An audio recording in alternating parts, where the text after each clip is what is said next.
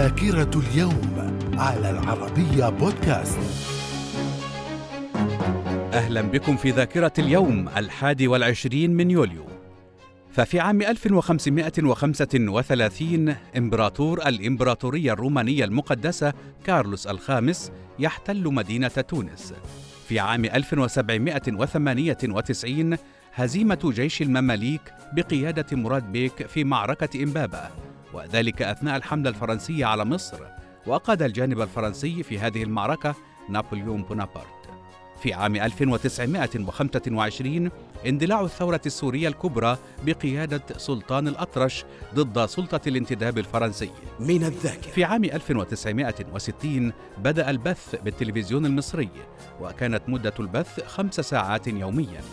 عام 1969 وصول رائد الفضاء الأمريكي نيل أرمسترونغ إلى سطح القمر ليكون بذلك أول إنسان يصل إليه. من الذاكرة. في عام 1994 انتخاب توني بلير رئيسا لحزب العمال البريطاني في عام 2008 إلقاء القبض على رادوفان كاراديتش زعيم جمهورية صرب البوسنة الأسبق والمطلوب للمحكمة الجنائية لجرائم الحرب في يوغوسلافيا وذلك للمحاكمة في جرائم حرب قام بها في البوسنة ضد المسلمين. من الذاكرة. ومن مواليد اليوم الحادي والعشرين من يوليو في عام 1816 جوليوس رويتر رجل أعمال ألماني ومؤسس وكالة الأنباء العالمية رويترز.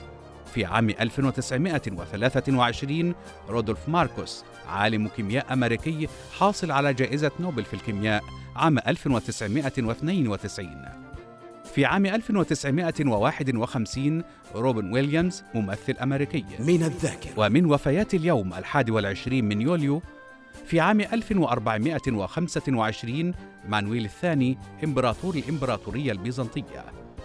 في عام 1914 جورج زيدان أديب ومؤرخ لبناني. إلى اللقاء.